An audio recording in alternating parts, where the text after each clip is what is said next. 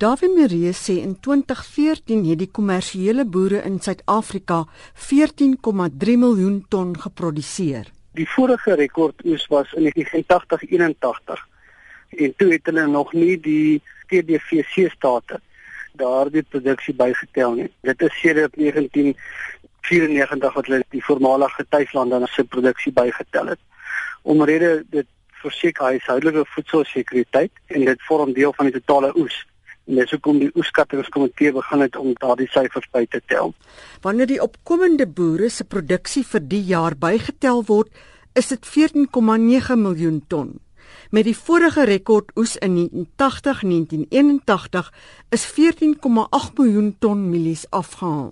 Die 2014 oes was gewees op 2,6 miljoen hektaar terwyl die 1980-81 oes was op 4,4 miljoen hektaar. Dis amper die helfte van die hektare as in 1980-81.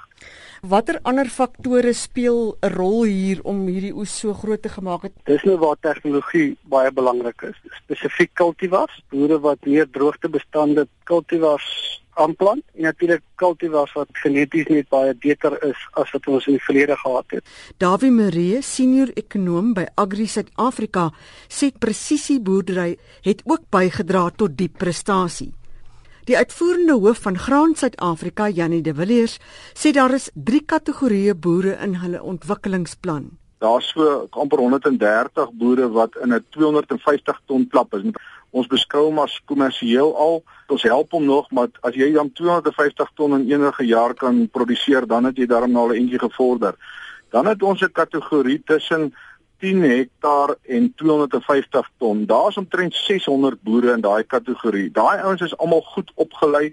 Hulle het almal toegang tot grond. Baie is nou maar kommunale gronde en staatsgronde meestal. Volgens De Villiers produseer die boere baie naby kommersiële boere se opbrengste. Hulle kry nie finansiering nie omdat hulle nie enige sekuriteit kan aanbied nie. So ek dink ons is op 'n punt wat ons 'n baie groot eksponensiële groei in ons swart boere se produksie gaan sien as ons net vir hulle kan finansiering kry. Ons sukkel ons dood om iewers te finansiering ontsluit te kry want die kommersiële banke sê net die ou met die grond het hy kan gee as sekuriteit anders kry nie 'n lening nie.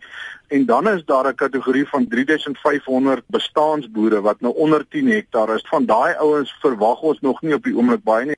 Die groot groei sal onder die 600 opkomende boere wees as hulle finansiering kan kry.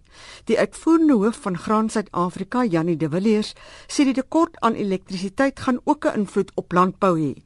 In die Wes-Kaap sê die visievoorsitter van Graan Suid-Afrika en self 'n koringboer, Anri Stron, dat die oes oorskat is. Die Wes- en die Suid-Kaapse oeste is waarskynlik 99% in die silo's of in silosakke Dit is noordelike gebiede van ons besproeiingsboorde teen die Evangelie wat aan die oes is. In die Wes en die Suid-Kaap is baie dankbaar vir die oeste wat ons afgehaal het. Nie 'n rekord ja nie. Ons het deur die loop van die jaar in die Suid-Kaap maar so 'n bietjie wisselvallige reën gehad en in die Swartland het September so 'n bietjie van 'n afrekeningsmaand gehad dit het nie gereën nie.